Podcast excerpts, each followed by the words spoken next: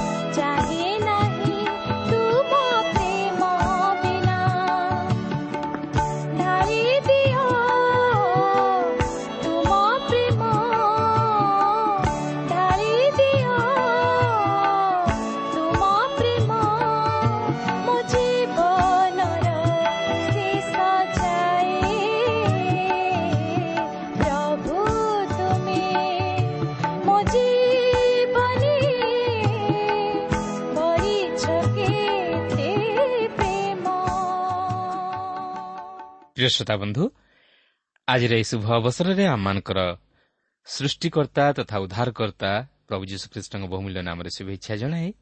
ଆଜିର ଏହି ପଥ ପ୍ରଦର୍ଶିକା କାର୍ଯ୍ୟକ୍ରମକୁ ଆପଣଙ୍କୁ ସ୍ୱାଗତ ଜଣାଏ। ଆପଣଙ୍କର ମତାମତ ନିମନ୍ତେ ବିଶେଷ ଧନ୍ୟବାଦ। ଆପଣ ଏହି କାର୍ଯ୍ୟକ୍ରମର ଜଣେ ନିୟମିତ ଶ୍ରୋତା ଜାଣି ଆମେ ବିଶେଷ ଖୁସି ପ୍ରଭୁଙ୍କ ନାମକୁ ଧନ୍ୟବାଦ ଦେଉ। ଆପଣଙ୍କର ଅନୁରୋଧ ରକ୍ଷା କରି ଆମେ ମଧ୍ୟ ଆପଣଙ୍କ ନିମନ୍ତେ ପ୍ରାର୍ଥନା କରୁଅଛୁ। ଆଉ ସେହି ପ୍ରଭୁ ଯୀଶୁ ନିଶ୍ଚିତ ଭାବରେ ଆପଣଙ୍କର ସମସ୍ୟା ସମାଧାନ କରିବେ। ଆସନ୍ତୁ ତାହେଲେ ପ୍ରଭୁଙ୍କର ବାକ୍ୟ ମଧ୍ୟକୁ ଯିବା ପୂର୍ବରୁ ସଂକ୍ଷେପରେ ପ୍ରାର୍ଥନା କରିବା। ପବିତ୍ର ପ୍ରଭୁ ଆମମାନଙ୍କର ଜୀବିତ ଈଶ୍ୱର ପ୍ରତିଜ୍ଞାରେ ବିଶ୍ୱସ୍ତ ପରମେଶ୍ୱର ପ୍ରଭୁ ତୁମର ଧନ୍ୟବାଦ କରୁଅଛି ସୁନ୍ଦର ସମୟ ପାଇଁ ତୁମର ଜୀବନ୍ତ ବାକ୍ୟ ପାଇଁ। ପ୍ରଭୁ ତୁମର ବାକ୍ୟ ମଧ୍ୟ ଦେଇ ତୁମେ ଆଜି ଆମମାନଙ୍କ ସହିତ କଥା କୁହ। ଯେଉଁ ଶ୍ରୋତାବନ୍ଧୁମାନେ ପ୍ରଭୁ ଆଜି ତୁମର ବାକ୍ୟ ଶୁଣିବା ନିମନ୍ତେ ରେଡିଓ ପାଖରେ ଅପେକ୍ଷା କରି ବସିଅଛନ୍ତି ତୁମେ ପ୍ରତ୍ୟେକଙ୍କୁ ଆଶୀର୍ବାଦ କର।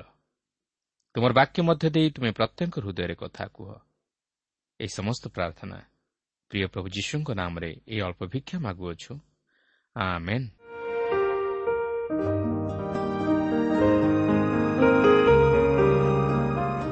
ଆସନ୍ତୁ ତାହେଲେ ବର୍ତ୍ତମାନ ଆମେ ପ୍ରଭୁଙ୍କର ବାକ୍ୟ ମଧ୍ୟକୁ ଯିବା। ଆଜି ଆମେ ଜିଓ ସିଓ ଦୁଇ ପର୍ବର ଦଶ ପଦରୁ ଆରମ୍ଭ କରି ଚାରି ପର୍ବର ଚବିଶ ପଦ ପର୍ଯ୍ୟନ୍ତ ଅଧ୍ୟୟନ କରିବା ନିମନ୍ତେ ଯିବା। ତେବେ ଆପଣଙ୍କର ମନେ ଥିବ ଯେ ଗତ ପାଠରେ ଆମେ ରାହାବ ବେଶ୍ୟା କଥା ଆଲୋଚନା କରିଥିଲୁ ସେ କିପରି ଜିଓସିଓଙ୍କ ଦ୍ୱାରା ପ୍ରେରିତ ଦୁଇ ଜଣ ଗୁପ୍ତଚରଙ୍କୁ ନିଜର ଗୃହରେ ସ୍ଥାନ ଦେଲା ଓ ସେମାନଙ୍କୁ ରାଜାଙ୍କ ହସ୍ତରୁ ରକ୍ଷା କରିବା ପାଇଁ ଲୁଚାଇ ରଖିଥିଲା ଓ ତହିଁ ସଙ୍ଗେ ସଙ୍ଗେ କିଣାନୀୟ ଲୋକମାନଙ୍କର ମନୋଭାବକୁ ସେମାନଙ୍କ ନିକଟରେ ପ୍ରକାଶ କରିଥିଲା ତାହା ଦେଖିଥିଲୁ। କିନ୍ତୁ ବର୍ତ୍ତମାନ ଆମେ ସେହି ରାହାବର ଆଉ କେତେକ ବିଷୟ ଲକ୍ଷ୍ୟ କରିବାକୁ ଯିବା ଯାହାକି ସେ ସେହି ଦୁଇ ଜଣ ଗୁପ୍ତଚରଙ୍କ ପ୍ରତି ପ୍ରକାଶ କରିଥିଲା। ଦେଖନ୍ତୁ ଦୁଇ ପର୍ବର ଦଶ ଓ ଏଗାର ପଦରେ ଏହିପରି ଲେଖା ଅଛି କାରଣ ତୁମେମାନେ ମିଶ୍ରରୁ ବାହାରି ଆସିବା ବେଳେ ସଦାପ୍ରଭୁ ତୁମମାନଙ୍କ ସମ୍ମୁଖରେ କି ପ୍ରକାର ସୁପ ସମୁଦ୍ରର ଜଳ ଶୁଷ୍କ କଲେ ପୁଣି ତୁମେମାନେ ଜର୍ଦ୍ଦନ ସେପାରିସ୍ଥିତ ସିହୋନ୍ ଓ ଓଗ୍ ନାମକ ଇମୋରିୟମାନଙ୍କ ଦୁଇ ରାଜାଙ୍କ ପ୍ରତି କି ପ୍ରକାର ବ୍ୟବହାର କରି ସେମାନଙ୍କୁ ବର୍ଜିତ ରୂପେ ବିନାଶ କରିଅଛ ତାହା ଆମେମାନେ ଶୁଣିଅଛୁ। ଆଉ ତାହା ଶୁଣିବା ମାତ୍ରେ ଆମମାନଙ୍କ ହୃଦୟ ତରଳିଗଲା।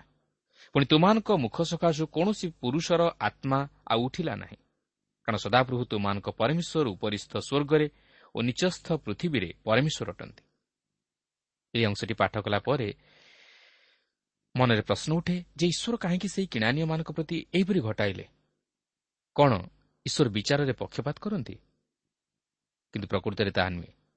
ଈଶ୍ୱର ସେମାନଙ୍କୁ ଅନେକ ବର୍ଷ ଧରି ସୁଯୋଗ ଦେଇଥିଲେ ତାଙ୍କ ନିକଟକୁ ଫେରିଆସିବା ପାଇଁ। ମାତ୍ର ସେମାନେ ଫେରି ନଥିଲେ। ତେବେ ଆପଣ ପ୍ରଶ୍ନ କରିପାରନ୍ତି ଯେ ଆପଣ କିପରି ଜାଣିଲେ?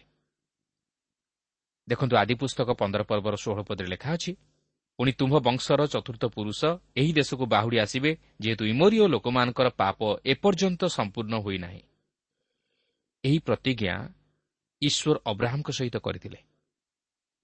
କାରଣ ଇସ୍ରାଏଲ୍ ସନ୍ତାନଗଣ ଯେ ମିଶର ଦେଶରେ ଚାରିଶହ ବର୍ଷ ପର୍ଯ୍ୟନ୍ତ ଦାସତ୍ୱ ବନ୍ଧନରେ ରହିବା ପରେ ସେହି ଦେଶରୁ ମୁକୁଳିତ ହୋଇ ଆସି ଏହି କିନାନ ଦେଶରେ ପ୍ରବେଶ କରି ତହିଁର ଅଧିକାରୀ ହେବେ ଏହା ଈଶ୍ୱର ପୂର୍ବରୁ ଅବ୍ରାହ୍ମଙ୍କୁ ଜଣାଇ ଦେଇଥିଲେ। ଯେହେତୁ ଇମୋରିଓ ଲୋକମାନଙ୍କର ପାପ ସେ ପର୍ଯ୍ୟନ୍ତ ସମ୍ପୂର୍ଣ୍ଣ ହୋଇନଥିଲା। ଅର୍ଥାତ୍ ଅନ୍ୟ ଅର୍ଥରେ କହିବାକୁ ଗଲେ ଈଶ୍ୱର ସେହି କିଣାନୀୟମାନଙ୍କର ପରିବର୍ତ୍ତନ ନିମନ୍ତେ ସୁଯୋଗ ଦେଇଥିଲେ। କାରଣ ଏହି ଇମୋରିୟମାନେ ମଧ୍ୟ ସେହି କିଣା ଦେଶରେ ବାସ କରୁଥିଲେ।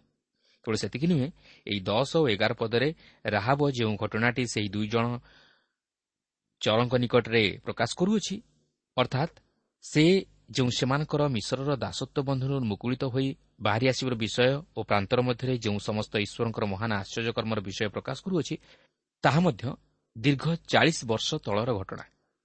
ତେଣୁ ଏହିପରି ଭାବେ ଯଦି ଆପଣ ହିସାବ କରି ଦେଖିବେ ତାହେଲେ ଜାଣିପାରିବେ ଯେ ଈଶ୍ୱର କିଣାନୀୟମାନଙ୍କର ମନ ପରିବର୍ତ୍ତନ ନିମନ୍ତେ ଦୀର୍ଘ ଦିନ ଧରି ସୁଯୋଗ ଦେଇଥିଲେ। ଏପରିକି ଏହି ଚାଳିଶ ବର୍ଷ ମଧ୍ୟରେ ସେ ଇସ୍ରାଏଲ୍ ସନ୍ତାନଗଣ ପକ୍ଷରେ ଯେଉଁ ସମସ୍ତ ଆଶ୍ଚର୍ଯ୍ୟ ବିଷୟମାନ ସାଧନ କରିଥିଲେ ତାହା ମଧ୍ୟ ଏହି କିଣାନୀୟ ଲୋକମାନଙ୍କୁ ଅଗୋଚର ନଥିଲା। ଏହି ଅଧିକ ଚାଳିଶ ବର୍ଷ ମଧ୍ୟରେ ଏହି ସମସ୍ତ ବିଷୟ ସାଧନ କରିବା ଦ୍ୱାରା ସେ ବାସ୍ତବରେ କିଏ ତାହା ସେ ସେହି କିଣାନୀୟମାନଙ୍କୁ ଜଣାଇ ଦେଇଥିଲେ ତଥାପି ସେମାନେ ଈଶ୍ୱରଙ୍କର ସମସ୍ତ ଶକ୍ତିର କାର୍ଯ୍ୟ ଓ ତାହାଙ୍କର ମହିମା ଜାଣିଲେ ମଧ୍ୟ ତାହାଙ୍କର ନିକଟବର୍ତ୍ତୀ ହେଲେ ନାହିଁ ତେଣୁ ଈଶ୍ୱର ସେମାନଙ୍କ ପ୍ରତି ବିନାଶ ଘଟାଇବାକୁ ଯାଉଅଛନ୍ତି ଓ ତାହାଙ୍କର ଲୋକମାନଙ୍କୁ ସେହି କିଣା ଦେଶ ଅଧିକାର ସ୍ୱରୂପେ ଦେବାକୁ ଯାଉଅଛନ୍ତି ତେବେ ବାରପଦରୁ ଚଉଦ ପଦ ମଧ୍ୟରେ ଆମେ ଦେଖୁ ଯେ ସେ କେବଳ ବିଶ୍ୱାସ କରି ରହିଗଲା ନାହିଁ। ମାତ୍ର ସେ ସେହି ବିଶ୍ୱାସକୁ କାର୍ଯ୍ୟରେ ପରିଣତ କଲା। ସେ ବିଶ୍ୱାସ କରିଥିଲା ଯେ ଈଶ୍ୱର ଇସ୍ରାଏଲ୍ ସନ୍ତାନଗଣକୁ ସେହି ରାଜ୍ୟ ଅଧିକାର କରିବା ନିମନ୍ତେ ଦେଉଅଛନ୍ତି। ତେଣୁକରି ସେ ଯେପରି ସେହି ବିନାଶରୁ ଉଦ୍ଧାର ପାଏ ସେଥିପାଇଁ ସେ ସେହି ଜୀବନ୍ତ ଓ ସତ୍ୟ ଈଶ୍ୱରଙ୍କ ନିକଟକୁ ଫେରିଆସିଲା। ତେଣୁ ଆପଣ ଦେଖିବେ ଯେ ସେ ସେଥିହେତୁ ସେହି ଦୁଇ ଜଣ ଗୁପ୍ତଚରଙ୍କୁ ସୁରକ୍ଷା ପ୍ରଦାନ କରିଥିଲା ଯେପରି ସେ ସେହି ବିନାଶର ସମୟରେ ସେମାନଙ୍କ ଦ୍ୱାରା ବିନାଶ ନ ହୋଇ ଉଦ୍ଧାର ପାଏ। ପ୍ରିୟ ବନ୍ଧୁ ଆପଣ କେବଳ ଏହି ବାକ୍ୟକୁ ଶୁଣିଦେଲେ ବା ଏହାକୁ ଏକ ଐତିହାସିକ ଘଟଣା ବୋଲି ବିଶ୍ୱାସ କରିଦେଲେ ଯଥେଷ୍ଟ ନୁହେଁ। ମାତ୍ର ଆପଣ ଯଦି ବାସ୍ତବରେ ପ୍ରଭୁ ଯୀଶୁଖ୍ରୀଷ୍ଟଙ୍କଠାରେ ବିଶ୍ୱାସ କରି ତାହାଙ୍କର ନିକଟବର୍ତ୍ତୀ ହୁଅନ୍ତି ତାହେଲେ ଆପଣ ପାପରୁ ଉଦ୍ଧାର ପାଇ ଈଶ୍ୱରଙ୍କ ବିଚାରରୁ ରକ୍ଷା ପାଇବେ ଓ ବିନାଶରୁ ଆପଣଙ୍କ ଜୀବନକୁ ରକ୍ଷା କରିପାରିବେ। ଏଠାରେ ଆପଣ ଲକ୍ଷ୍ୟ କରିବେ ଯେ ରାହାବର ଏପରି କଥାରେ ସେହି ଦୁଇ ଜଣ ଗୁପ୍ତଚର ତାହାକୁ ଓ ତାହାର ପରିବାର ବର୍ଗଙ୍କୁ ସେହି ଜିରିହ ନଗରକୁ ଆକ୍ରମଣ କରିବା ସମୟରେ ବିନାଶ ନ କରି ଛାଡ଼ିଦେବେ ବୋଲି ପ୍ରତିଶ୍ରୁତି ଦେଉଛନ୍ତି। କାହିଁକି? କେବଳ ତାହାର ସେହିପରି ଦୃଢ଼ ବିଶ୍ୱାସ ହେତୁ ଓ ସେହି ବିଶ୍ୱାସକୁ ସେ କାର୍ଯ୍ୟରେ ପ୍ରତିଫଳିତ କରିବା ହେତୁ। ତେଣୁ ପ୍ରିୟ ବନ୍ଧୁ ବିଶ୍ୱାସ କରିବା ସଙ୍ଗେ ସଙ୍ଗେ ସେହିପରି ସେହି ବିଶ୍ୱାସକୁ ନିଜର କାର୍ଯ୍ୟରେ ପ୍ରତିଫଳିତ କରନ୍ତୁ ତାହେଲେ ଆପଣଙ୍କର ବିଶ୍ୱାସ ପୂର୍ଣ୍ଣତା ଲାଭ କରିପାରିବ ଓ ଫଳପ୍ରଦ ହୋଇପାରିବ। ଏହାପରେ ପନ୍ଦରରୁ ସତର ପଦ ମଧ୍ୟରେ ଲେଖା ଅଛି ଯେ ସେହି ରାହାବ ସେହି ଦୁଇ ଜଣ ଗୁପ୍ତଚରଙ୍କୁ ଝରକା ବାଟେ ଦୌଡ଼ିରେ ଓହ୍ଲାଇ ଦେଲା କାରଣ ତାହାର ଗୃହ ନଗର ପ୍ରାଚୀରରେ ଥିଲା। ଏହାପରେ ଅଠର ପଦରେ ଲେଖା ଅଛି ଯାହାକି ସେହି ଦୁଇ ଜଣ ଗୁପ୍ତଚର ରାହାବକୁ କହନ୍ତି। ଦେଖ ତୁମେ ଯେଉଁ ଝରକା ଦେଇ ଆମମାନଙ୍କୁ ଓହ୍ଲାଇଦେଲ ଆମମାନେ ଏ ଦେଶକୁ ଆସିଲା ବେଳେ ତୁମେ ସେହି ଝରକାରେ ଏହି ସିନ୍ଦୁର ବର୍ଣ୍ଣ ସୂତା ଡୋରି ବାନ୍ଧି ରଖିବ। ପୁଣି ତୁମ୍ଭେ ଆପଣା ପିତା ଓ ଆପଣା ମାତା ଓ ଆପଣା ଭ୍ରାତୃଗଣ ଓ ଆପଣା ପିତୃକୂଳର ସମସ୍ତଙ୍କୁ ଆପଣା ଆପଣା ନିକଟରେ ଗୃହରେ ଏକତ୍ର କରିବ। ଆପଣ ଦେଖନ୍ତୁ ଯେ ଏହି ଦୁଇ ଜଣ ଗୁପ୍ତଚର ରାହାବକୁ ଓ ତାହାର ପରିବାରକୁ ସୁରକ୍ଷା କରିବା ନିମନ୍ତେ ଶପଥ କରନ୍ତି ଓ ସେମାନେ ଯେପରି ଜିରିହ ନଗରକୁ ଅବରୋଧ କରିବା ସମୟରେ ରାହାବକୁ ଓ ତାହାର ପରିବାର ବର୍ଗଙ୍କୁ ବିନାଶ ନ କରନ୍ତି ଏଥିନିମନ୍ତେ ଚିହ୍ନ ସ୍ୱରୂପେ ସେହି ଝରକାରେ ଏକ ସିନ୍ଦୁର ବର୍ଣ୍ଣ ସୂତା ଡୋରି ବାନ୍ଧି ରଖିବାକୁ କହନ୍ତି। ତେବେ ଏହି ସିନ୍ଦୁର ବର୍ଣ୍ଣର ସୂତା ଡୋରିକୁ ଚିହ୍ନ ସ୍ୱରୂପେ ବାନ୍ଧି ରଖିବାର ଏକ ତାତ୍ପର୍ଯ୍ୟ ମଧ୍ୟ ରହିଅଛି। ଏହା ସେହି ଉଦ୍ଧାରର ଚିହ୍ନକୁ ଦର୍ଶାଏ। ଆପଣ ଦେଖନ୍ତୁ ଇସ୍ରାଏଲ୍ ସନ୍ତାନଗଣ ଯେଉଁ ରାତିରେ ମିଶ୍ର ଦେଶରୁ ତାଡ଼ିତ ହେଲେ ସେହି ରାତ୍ରିରେ ଯେଉଁ ଯେଉଁ ଗୃହ ଦ୍ୱାରର ବାଜୁବନ୍ଧ ଓ କପାଳିରେ ସେହି ରକ୍ତ ଚିହ୍ନ ଲାଗିଥିଲା ସଂହାରକ ଦୂତ ସେହି ସେହି ଗୃହକୁ ପରିତ୍ୟାଗ କରି ଅନ୍ୟ ଗୃହଗୁଡ଼ିକରେ ଥିବା ପ୍ରଥମଜାତ ସନ୍ତାନମାନଙ୍କୁ ସଂହାର କଲେ। ଏହିପରି ଭାବେ ସମସ୍ତ ଇସ୍ରାଏଲ୍ ସନ୍ତାନଗଣର ପରିବାର ସଂହାରକ ଦୂତ ହସ୍ତରୁ ଉଦ୍ଧାର ପାଇଥିଲେ। ଏଠାରେ ମଧ୍ୟ ଆମେ ଦେଖୁଛୁ ଯେ ସେହି ସିନ୍ଦୁର ବର୍ଣ୍ଣ ସୂତା ଡୋରି ଯାହାକୁ ଏକ ଉଦ୍ଧାରର ଚିହ୍ନ ସ୍ୱରୂପେ ସେହି ଦୁଇ ଜଣ ଗୁପ୍ତଚର ରାହବ ବେଶ୍ୟାକୁ ଓ ତାହାର ପରିବାରକୁ ସୁରକ୍ଷା କରିବା ନିମନ୍ତେ ଓ ସେହି ବିନାଶରୁ ଉଦ୍ଧାର କରିବା ନିମନ୍ତେ ପ୍ରଦାନ କରୁଅଛନ୍ତି। ଏହା ସେହି ପ୍ରଭୁ ଯୀଶୁଖ୍ରୀଷ୍ଟଙ୍କର ସେହି ପବିତ୍ର ରକ୍ତ ପ୍ରତି ଅଙ୍ଗୁଳି ନିର୍ଦ୍ଦେଶ କରେ। କାରଣ ସେହି ଖ୍ରୀଷ୍ଟଙ୍କର ପବିତ୍ର ରକ୍ତ ଆଜି ଆମର ସମସ୍ତ ପାପ କ୍ଷମା କରିପାରେ ଓ ସେହି ବିନାଶରୁ ଆମକୁ ଉଦ୍ଧାର କରେ। ତେବେ ଆଜି କ'ଣ ଆମେ ନିଜର ଉଦ୍ଧାର ନିମନ୍ତେ ତଥା ନିଜର ପରିବାରର ଉଦ୍ଧାର ନିମନ୍ତେ ସଚେତନ ଅଛୁ କି? ଆଜି ଆମର ହୃଦୟ ରୂପକ ଝରକାରେ କ'ଣ ପ୍ରଭୁ ଯୀଶୁଖ୍ରୀଷ୍ଟଙ୍କର ସେହି ପବିତ୍ର ରକ୍ତର ସୂତା ଡୋରିକୁ ଆମେ ବାନ୍ଧି ରଖିଛୁ କି? ଯଦି ନାହିଁ ତାହେଲେ ଆମେ ବିନାଶରୁ ନିଜର ଜୀବନକୁ ରକ୍ଷା କରିପାରିବା ନାହିଁ। ଆମ ଜୀବନରେ ସେହି ବିନାଶ ଉପସ୍ଥିତ ହେବା ବେଳେ କେହି ଆମକୁ ତହିଁରୁ ଉଦ୍ଧାର କରିପାରିବେ ନାହିଁ। ତେଣୁ ଚେଷ୍ଟା କରନ୍ତୁ ସେହି ବିନାଶ ଉପସ୍ଥିତ ହେବା ପୂର୍ବରୁ ଆପଣ ଯେପରି ଉଦ୍ଧାରର ଚିହ୍ନକୁ ଆପଣଙ୍କର ହୃଦୟ ରୂପକ ଝରକାରେ ବାନ୍ଧି ରଖିପାରନ୍ତି। ତେବେ ଉଣେଇଶ ପଦରୁ ବାଇଶ ପଦ ମଧ୍ୟରେ ଆମେ ଦେଖୁଛୁ ଯେ ସେହି ଦୁଇ ଜଣ ଗୁପ୍ତଚରଙ୍କର କହିବା ଅନୁଯାୟୀ ରାହବ କାର୍ଯ୍ୟ କଲା ଓ ତାହାର ଝରକାରେ ସେହି ସିନ୍ଦୁର ବର୍ଣ୍ଣର ସୂତାଡୋରିକୁ ବାନ୍ଧି ରଖିଲା। ମାତ୍ର ଏହାପରେ ସେହି ଦୁଇ ଜଣ ଯାକ ଫେରିଆସି ଝିଅଶିଅଙ୍କୁ ସେହି ନଗର ଅନୁସନ୍ଧାନର ତଥ୍ୟ ପ୍ରଦାନ କଲେ। ଯାହାକି ତେଇଶ ଓ ଚବିଶ ପଦରେ ଲେଖା ଅଛି। ଏଉତାରେ ସେହି ଦୁଇ ଲୋକ ଫେରି ପର୍ବତରୁ ଓହ୍ଲାଇଲେ ପୁଣି ପାର ହୋଇ ନୁନର ପୁତ୍ର ଝିଅଶଙ୍କ ନିକଟକୁ ଗଲେ। ଆଉ ସେମାନଙ୍କ ପ୍ରତି ଯାହା ଯାହା ଘଟିଥିଲା ତାହା ସବୁ ତାହାଙ୍କୁ କହିଲେ।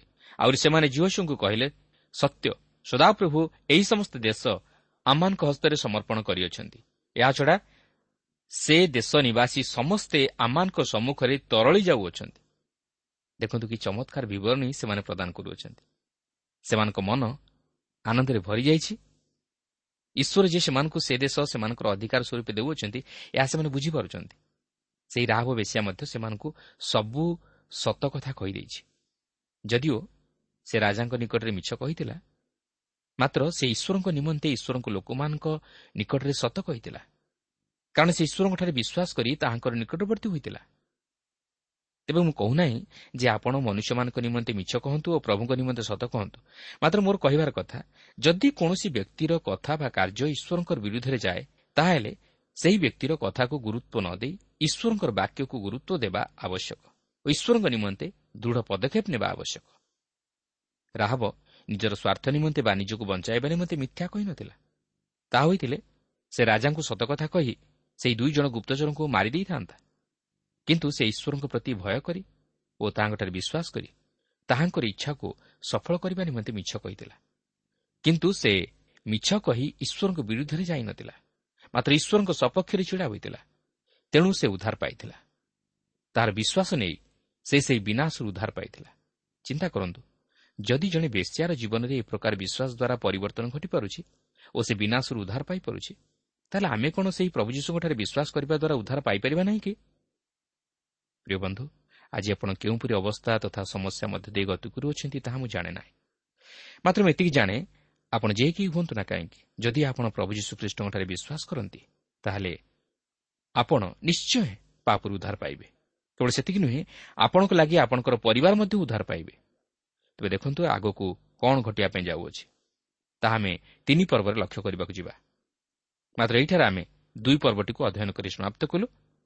ଏହାପରେ ଆମେ ତିନି ପର୍ବଟିକୁ ଅଧ୍ୟୟନ କରିବା ପାଇଁ ଯିବା। ଏହି ତିନି ପର୍ବରେ ଇସ୍ରାଏଲ୍ ସନ୍ତାନଗଣ କିପରି ଜର୍ଦ୍ଦନ ନଦୀ ପାର ହୋଇଗଲେ ତାହା ଆମେ ଅଧ୍ୟୟନ କରି ଦେଖିବା। ଏହି ଜର୍ଦ୍ଦନ ନଦୀ ପାର ହେବା ଓ ସେହି ସୁଫସାଗରକୁ ପାର ହେବା ମଧ୍ୟରେ ଯଥେଷ୍ଟ ଭିନ୍ନତା ଥିଲା। କାରଣ ଏହି ଜର୍ଦ୍ଦନ ନଦୀ ପାର ହେବା ନିମନ୍ତେ ସେମାନଙ୍କୁ ଅଧିକ ଈଶ୍ୱରଙ୍କଠାରେ ବିଶ୍ୱାସ କରିବାକୁ ପଡ଼ିଥିଲା। କାରଣ ଏହା ଏକ ମହାନ ଆଶ୍ଚର୍ଯ୍ୟ କର୍ମ ଥିଲା। କାରଣ ସେହି ଜର୍ଦ୍ଦ ନଦୀ ପାର ହେବା ସେତେ ସହଜ ନଥିଲା। ତାଛଡ଼ା ସେମାନେ ସେହି ଜର୍ଦ୍ଦ ନଦୀ ପାର ହେବା ପରେ ପରେ ସେମାନଙ୍କର ଶତ୍ରୁମାନଙ୍କର ରଥମାନଙ୍କର ଓ ପ୍ରାଚୀର ବେଷ୍ଟିତ ସହରମାନଙ୍କର ସମ୍ମୁଖୀନ ହେବାକୁ ଯାଉଥିଲେ। ତେଣୁ ଏହିସବୁ ବିଷୟ ଏତେ ସହଜ ନଥିଲା। ଏହି ଜର୍ଦ୍ଦ ନଦୀକୁ ପାର ହେବା ନିମନ୍ତେ ସେମାନେ କେତେଗୁଡ଼ିଏ ଯୋଜନା ମଧ୍ୟ ପ୍ରସ୍ତୁତ କରିଥିଲେ ଓ ସେମାନେ ଈଶ୍ୱରଙ୍କ ଆଦେଶ ଅନୁଯାୟୀ ସମସ୍ତ କିଛି କରିଥିଲେ। କିନ୍ତୁ ଆମେ ଏହି ତିନି ପର୍ବର ସମସ୍ତ ପଦଗୁଡ଼ିକୁ ପାଠ କରିବା ପାଇଁ ଯିବା ନାହିଁ। ମାତ୍ର କେତେକ ମୁଖ୍ୟ ଅଂଶ ଉପରେ ମୁଁ ଆପଣଙ୍କର ଦୃଷ୍ଟି ଆକର୍ଷଣ କରିବା ପାଇଁ ଚାହେଁ। ଦେଖନ୍ତୁ ତିନି ପର୍ବର ପ୍ରଥମ ଚାରିପଦରେ ଏହିପରି ଲେଖା ଅଛି। ଅନନ୍ତର ଜିହୋସିଓ ଅତି ପ୍ରଭାତରେ ଉଠିଲେ। ପୁଣି ସେ ଓ ଇସ୍ରାଏଲ୍ର ସମସ୍ତ ସନ୍ତାନ ସିଟିମ୍ରୁ ଯାତ୍ରା କରି ଜର୍ଦ୍ଦନରେ ଉପସ୍ଥିତ ହେଲେ। ମାତ୍ର ସେମାନେ ପାର ହେବା ପୂର୍ବେ ସେଠାରେ ବସା କଲେ। ତେଣୁ ତିନିଦିନ ଉତ୍ତାରେ ଅଧ୍ୟକ୍ଷମାନେ ଛାଉଣି ମଧ୍ୟ ଦେଇ ଗଲେ। ପୁଣି ସେମାନେ ଲୋକମାନଙ୍କୁ ଆଜ୍ଞା ଦେଇ କହିଲେ ଯେତେବେଳେ ତୁମମାନେ ସଦାପ୍ରଭୁ ତୁମମାନଙ୍କ ପରମେଶ୍ୱରଙ୍କ ନିୟମ ସିନ୍ଧୁକ ଓ ତହିଁର ବାହକ ଲେବିୟ ଯାଜକମାନଙ୍କୁ ଦେଖିବ ତେତେବେଳେ ତୁମେମାନେ ଆପଣା ଆପଣା ସ୍ଥାନରୁ ଉଠି ତହିଁର ପଛେ ପଛେ ଗମନ କରିବ। ତଥାପି ପରିମାଣାନୁସାରେ ତୁମମାନଙ୍କର ଓ ତାହାର ମଧ୍ୟରେ ପ୍ରାୟ ଦୁଇ ହଜାର ହାତ ଅନ୍ତର ରହିବ। ତୁମେମାନେ ଆପଣମାନଙ୍କ ଗମନର ପଥ ଜାଣିବା ନିମନ୍ତେ ତାହା ନିକଟକୁ ଆସିବ ନାହିଁ କାରଣ ଏଥିପୂର୍ବେ ତୁମେମାନେ ଏହି ପଥ ପାର ହୋଇଯାଇନାହଁ ଏଠାରେ ଆପଣ ଦେଖିବେ ଏହି ଜର୍ଦ୍ଦ ନଦୀକୁ ପାର ହେବା ନିମନ୍ତେ କେତେକ ନିୟମ ସେମାନଙ୍କୁ ପାଳନ କରିବାକୁ ଥିଲା ଯଦ୍ୱାରା ସେମାନେ ଶୃଙ୍ଖଳିତ ଭାବେ ସେହି ନଦୀକୁ ପାର ହୋଇପାରନ୍ତି କାରଣ ସେମାନେ ଯେଉଁ ଦେଶକୁ ଅଧିକାର କରିବା ପାଇଁ ଯାଉଅଛନ୍ତି ତାହା ଏତେ ସହଜ ନୁହେଁ। ସେମାନଙ୍କୁ ଅନେକ ଶତ୍ରୁମାନଙ୍କର ସମ୍ମୁଖୀନ ହେବାକୁ ହେବ। ତେଣୁକରି ସେମାନେ ପ୍ରଥମେ ନିୟମ ସିନ୍ଧୁକ ଓ ତହିଁର ବାହକ ଲେବିୟ ଯାଜକମାନଙ୍କୁ ପ୍ରଥମେ ପଠାଉଛନ୍ତି ଓ ଏହାପରେ ଲୋକମାନେ ଦୁଇ ହଜାର ହାତ ଅନ୍ତର ରହି ସେମାନଙ୍କ ପଛେ ପଛେ ଯିବା ପାଇଁ ପ୍ରସ୍ତୁତ ହେଉଛନ୍ତି। ଯେପରି ସେମାନେ ପଥଭ୍ରଷ୍ଟ ନ ହୁଅନ୍ତି ଓ ଈଶ୍ୱରଙ୍କ ପବିତ୍ରତାକୁ କ୍ଷୁର୍ଣ୍ଣ ନ କରନ୍ତି। ତେବେ ସେହି ନିୟମ ସିନ୍ଧୁକ ସଦାପ୍ରଭୁଙ୍କର ଦତ୍ତ ଦଶ ଆଜ୍ଞାକୁ ବହନ କରୁଥିଲା ଆଉ ଏହାକୁ କେବଳ ଲେବିୟ ଯାଜକମାନେ ବହନ କରିବାକୁ ଥିଲା। ତେବେ ମୁଁ ଆଉ ସେହି ନିୟମ ସିନ୍ଧୁକ ବିଷୟ ନେଇ ଅଧିକ ବ୍ୟାଖ୍ୟା କରିବା ପାଇଁ ଯାଉନାହିଁ ମାତ୍ର ଏଠାରେ ସେମାନେ ନିୟମ ସିନ୍ଧୁକକୁ ସେମାନଙ୍କର ଅଗ୍ରତେ ବହି ନେଇ ଯିବାର କାରଣ ହେଉଛି ସେମାନେ ଈଶ୍ୱରଙ୍କ ବ୍ୟବସ୍ଥାକୁ ପ୍ରଥମ ସ୍ଥାନ ଦେଇଥିଲେ। ତାଛଡ଼ା ଏହି ନିୟମ ସିନ୍ଧୁକ ପ୍ରଭୁ ଯୀଶୁଖ୍ରୀଷ୍ଟଙ୍କୁ ଉପସ୍ଥାପିତ କରେ।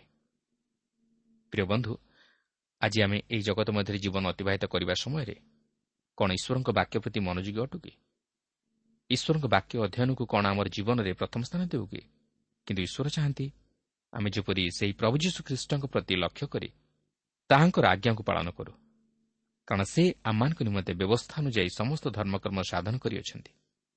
ତେଣୁ ସେହି ଖ୍ରୀଷ୍ଟଙ୍କଠାରେ ଯଦି ଆମେ ବିଶ୍ୱାସ କରୁ ଓ ତାହାଙ୍କ ମୃତ୍ୟୁ ଓ ପୁନରୁତ୍ଥାନରେ ବିଶ୍ୱାସ କରି ତାହାଙ୍କ ନିକଟରେ ସମର୍ପିତ ଜୀବନ କାଟୁ ତାହେଲେ ଆମେ ଏହି ଜଗତରେ ସମସ୍ତ ପ୍ରକାର ସମସ୍ୟା ତଥା ବିପଦକୁ ଓ ଶତ୍ରୁ ଶୈତାନର ସମସ୍ତ ପ୍ରତିବନ୍ଧକକୁ ଏଡ଼ି ଆଗ ବଢ଼ି ଚାଲିବା ଦ୍ୱାରା ସେହି ଆତ୍ମିକ ଆଶୀର୍ବାଦ ସବୁର ଅଧିକାରୀ ହୋଇପାରିବା। ବର୍ତ୍ତମାନ ଆମେ ସେହି ଜର୍ଦ୍ଦନ ନଦୀ ପାର ହେବା ନେଇ ଆଉ କେତେକ ବିଷୟ ଲକ୍ଷ୍ୟ କରିବାକୁ ଯିବା। ତେବେ ଆମେ ପ୍ରତ୍ୟେକ ପଦଗୁଡ଼ିକୁ ବ୍ୟାଖ୍ୟା କରିବା ପାଇଁ ଯିବା ନାହିଁ ମାତ୍ର କେତେକ ମୁଖ୍ୟ ଘଟଣା ଉପରେ ଟିକେ ଦୃଷ୍ଟି ଦେବା। ବର୍ତ୍ତମାନ ଲକ୍ଷ୍ୟ କରିବେ ସେମାନେ ସେହି ଜର୍ଦ୍ଦନ ନଦୀକୁ ପାହାର ହେବା ନିମନ୍ତେ ଅଗ୍ରସର ହେଉଅଛନ୍ତି। ଯାହାକି ତିନି ପର୍ବର ପନ୍ଦର ପଦରୁ ସତର ପଦରେ ଲେଖା ଅଛି। ଏହି ଘଟଣାକୁ ଆପଣ ଯଦି ଚିନ୍ତା କରିବେ ତାହେଲେ ଏହା ଅତି ଆଶ୍ଚର୍ଯ୍ୟକର ଘଟଣା ପରି ମନେ ହୁଏ। କିନ୍ତୁ ଈଶ୍ୱରଙ୍କ ନିକଟରେ ସମସ୍ତ ସାଧ୍ୟ। ସେ ସମସ୍ତ ଅସମ୍ଭବ ବିଷୟକୁ ସମ୍ଭବରେ ପରିଣତ କରନ୍ତି। କିଣାନୀୟ ଲୋକମାନେ କେବେ ହେଲେ ଭାବିନଥିବେ ଯେ ଇସ୍ରାଏଲ୍ ଲୋକମାନେ ଏହିପରି ନଦୀରେ ବନ୍ୟା ହୋଇଥିବା ସମୟରେ ନଦୀକୁ ପାର ହୋଇ କିଣା ଦେଶରେ ପ୍ରବେଶ କରିବେ ବୋଲି। କାରଣ ସାଧାରଣତଃ ଯଦି ବର୍ଷା ପାଣିରେ ନଦୀ ଜଳ ବଢ଼ି ଉଛୁଳି ଉଠେ ସେତେବେଳେ ଲୋକେ ନଦୀକୁ ଅତିକ୍ରମ କରି ବା ପାର ହୋଇ ଯିବାକୁ ସାହସ କରନ୍ତି ନାହିଁ। କିନ୍ତୁ ଦେଖନ୍ତୁ ଏଠାରେ ସେହି ଯଦ ନଦୀର ଜଳ ଉପରକୁ ବଢ଼ି ଉଠି ପ୍ରବାହିତ ହେଉଥିବା ସମୟରେ ଇସ୍ରାଏଲ୍ ସନ୍ତାନଗଣ ଜର୍ଦ୍ଦ ନଦୀର ମଧ୍ୟ ଦେଇ ଶୁଷ୍କ ଭୂମିରେ ପାର ହେଉଛନ୍ତି। କ'ଣ ଏହା ଅତି ଆଶ୍ଚର୍ଯ୍ୟର ବିଷୟ ନୁହେଁ କି? ବାସ୍ତବରେ ଏହା ଭାବିଲେ ଅତି ଆଶ୍ଚର୍ଯ୍ୟ ଲାଗେ।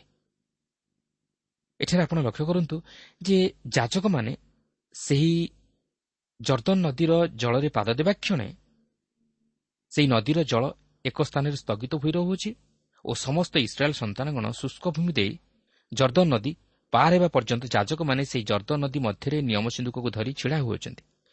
କିନ୍ତୁ ଆପଣ ଦେଖନ୍ତୁ ଇସ୍ରାଏଲ୍ ସନ୍ତାନଗଣ ଜିରିହ ନିକଟରେ ଜର୍ଦ୍ଦନ ନଦୀ ପାର ହେଲେ। ମାତ୍ର ସେହି ଜର୍ଦ୍ଦନ ନଦୀର ଜଳ ଆଦମ ନଗରଠାରୁ ଅତି ଦୂରରେ ଏକ ରାଶି ହୋଇ ଉଠିଲା। ତେବେ ବର୍ତ୍ତମାନ ଯଦିଓ ସେହି ଆଦମ ନଗରକୁ ଚିହ୍ନଟ କରିବା ସହଜ ନୁହେଁ ମାତ୍ର ଏହି ନଗରର ଏକ ତାତ୍ପର୍ଯ୍ୟ ରହିଅଛି। ଏକ ଆତ୍ମିକ ଅର୍ଥରେ ବୁଝିବାକୁ ଗଲେ ଆମେ ପ୍ରତ୍ୟେକ ସେହି ଆଦମ ନଗରଠାରୁ ଆସିଅଛୁ। କାରଣ ଆଦମ ହେଉଛନ୍ତି ମନୁଷ୍ୟ ପରିବାରର ଆଦି ପିତା ଓ ସେହି ଆଦମଙ୍କ ହେତୁ ମୃତ୍ୟୁ ଜଗତରେ ପ୍ରବେଶ କଲା। ଯେହେତୁ ସେହି ଆଦମଙ୍କଠାରୁ ପାପ ସମଗ୍ର ମନୁଷ୍ୟ ସମାଜ ମଧ୍ୟକୁ ପ୍ରବେଶ କଲା। କିନ୍ତୁ ଆପଣ ଦେଖିବେ ସେହି ଜର୍ଦ୍ଦ ନଦୀ ମଧ୍ୟରେ ଯାହା ସବୁ ଘଟିଥିଲା ତାହା ପ୍ରଭୁ ଯୀଶୁଖ୍ରୀଷ୍ଟଙ୍କର ମୃତ୍ୟୁ ଓ ପୁନରୁତ୍ଥାନକୁ ପ୍ରକାଶ କରୁଥିଲା ଯାହାକି ଆମେ ଏହାର ପରବର୍ତ୍ତୀ ଘଟଣାରେ ଦେଖିବାକୁ ପାରିବା। ତେଣୁ ଏଥିରୁ ଆମେ ଜାଣିବାକୁ ପାରୁଛୁ ଯେ ପ୍ରଭୁ ଯୀଶୁଖ୍ରୀଷ୍ଟଙ୍କର ମୃତ୍ୟୁ ଓ ପୁନରୁତ୍ଥାନ କେବଳ ଏହି ସମୟ ନିମନ୍ତେ ପ୍ରଯୁଜ୍ୟ ନୁହେଁ ମାତ୍ର ଏହା ଆଦାମଙ୍କ ପର୍ଯ୍ୟନ୍ତ ଅର୍ଥାତ୍ ଯେଉଁ ସମୟଠାରୁ ମନୁଷ୍ୟ ପରିବାରର ଆରମ୍ଭ ହେଲା ସେହି ସମୟ ପର୍ଯ୍ୟନ୍ତ ମଧ୍ୟ ପ୍ରଯୁଜ୍ୟ। କାରଣ ପ୍ରଭୁ ଯୀଶୁଙ୍କର କୃଷି ମୃତ୍ୟୁ ଓ ପୁନରୁତ୍ଥାନ ପ୍ରତ୍ୟେକଙ୍କ ନିମନ୍ତେ ସେହି ଉଦ୍ଧାରର କାର୍ଯ୍ୟ ସାଧନ କରେ।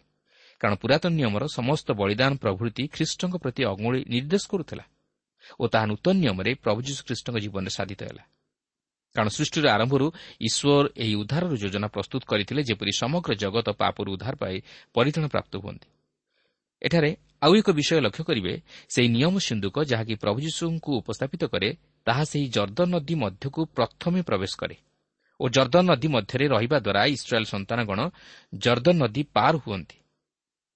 କାରଣ ସେହି ପ୍ରଭୁ ଯୀଶୁ ଖ୍ରୀଷ୍ଟ ଆମମାନଙ୍କର ଅଗ୍ରବର୍ତ୍ତୀ ଈଶ୍ୱର ଓ ସେ ଜୀବନରେ ଓ ମରଣରେ ଆମମାନଙ୍କର ସହିତରେ ଥାନ୍ତି ଏପରିକି ଏହି ଜଗତରେ ସେ ଆମମାନଙ୍କର ସହିତରେ ଅଛନ୍ତି। ସେ ଆମମାନଙ୍କର ଉଦ୍ଧାର ନିମନ୍ତେ ଆମମାନଙ୍କର ଅଗ୍ରତ ଯାଇ ଆମମାନଙ୍କ ନିମନ୍ତେ ସେହି କୃଷି ମୃତ୍ୟୁବରଣ କରିଅଛନ୍ତି ଓ ଆମମାନଙ୍କର ଧାର୍ମିକତା ନିମନ୍ତେ ମୃତ୍ୟୁରୁ ପୁନରୁଦ୍ଧିତ ହୋଇଅଛନ୍ତି। କିନ୍ତୁ ଆଜି କ'ଣ ଆମେ ସେହି ପ୍ରଭୁ ଯୀଶୁଙ୍କୁ ଆମ ଜୀବନରେ ସାଥୀ କରିଛୁ କି?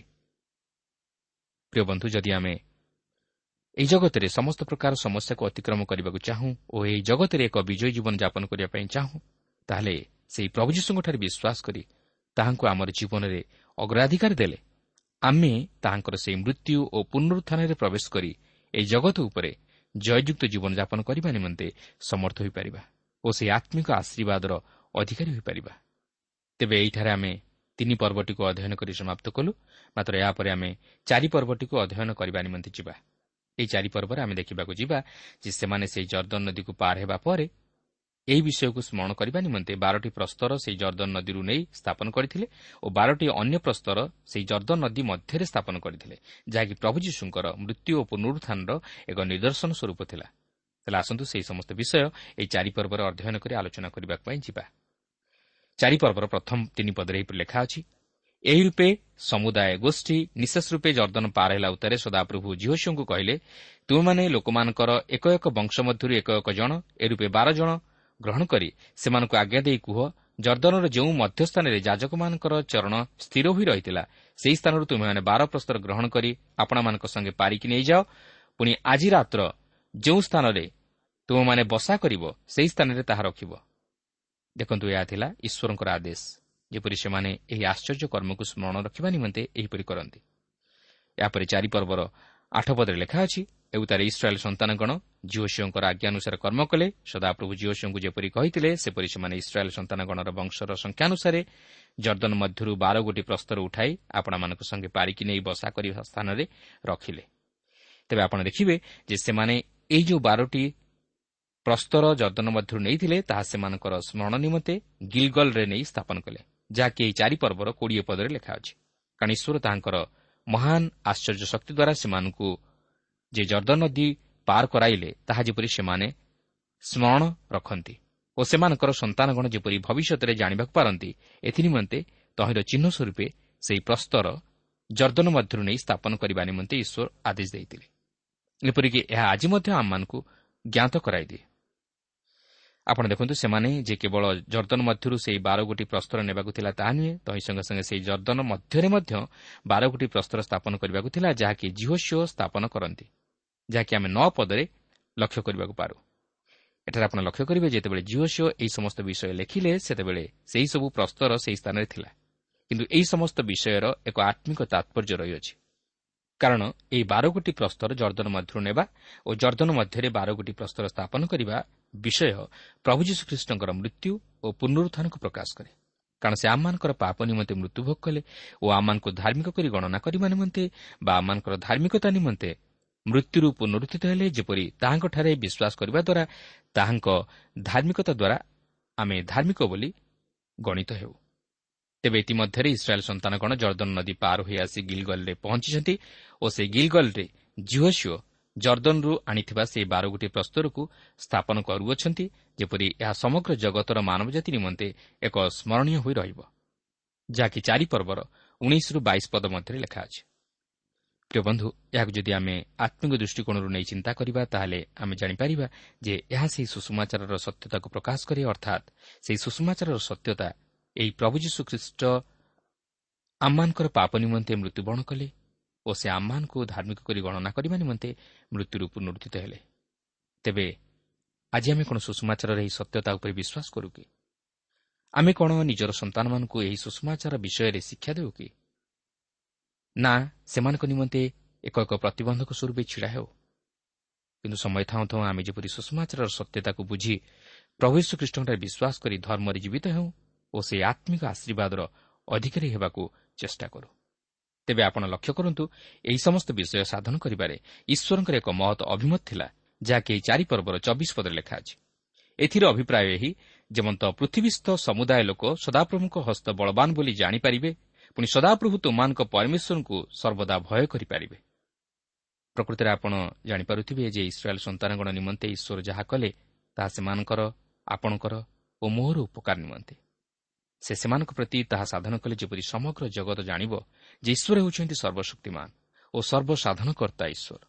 ଆଉ ଏହା ମଧ୍ୟ ସେଦିନ ଆକ୍ଷରିକ ଭାବେ କିଣାନୀୟ ଲୋକମାନଙ୍କ ଜୀବନରେ ସଫଳ ହୋଇଥିଲା। ପ୍ରିୟ ବନ୍ଧୁ ଆଜି ଯଦି ଆପଣ ନିଜ ଜୀବନରେ ପ୍ରଭୁ ଯୀଶୁଙ୍କୁ ଗ୍ରହଣ କରିବା ପାଇଁ ମନରେ ଦୃଢ଼ ପଦକ୍ଷେପ ନେଇଛନ୍ତି ତାହେଲେ ଆମ ନିକଟକୁ ପତ୍ର ଲେଖି ଜଣାଇଲେ ଆମେ ଆପଣଙ୍କ ନିମନ୍ତେ ପ୍ରାର୍ଥନା କରିବୁ। ପ୍ରଭା ପ୍ରତ୍ୟେକଙ୍କୁ ଏହି ସଂକ୍ଷିପ୍ତ ଆଲୋଚନା ମଧ୍ୟ ଦେଇ ଆଶୀର୍ବାଦ କରନ୍ତୁ।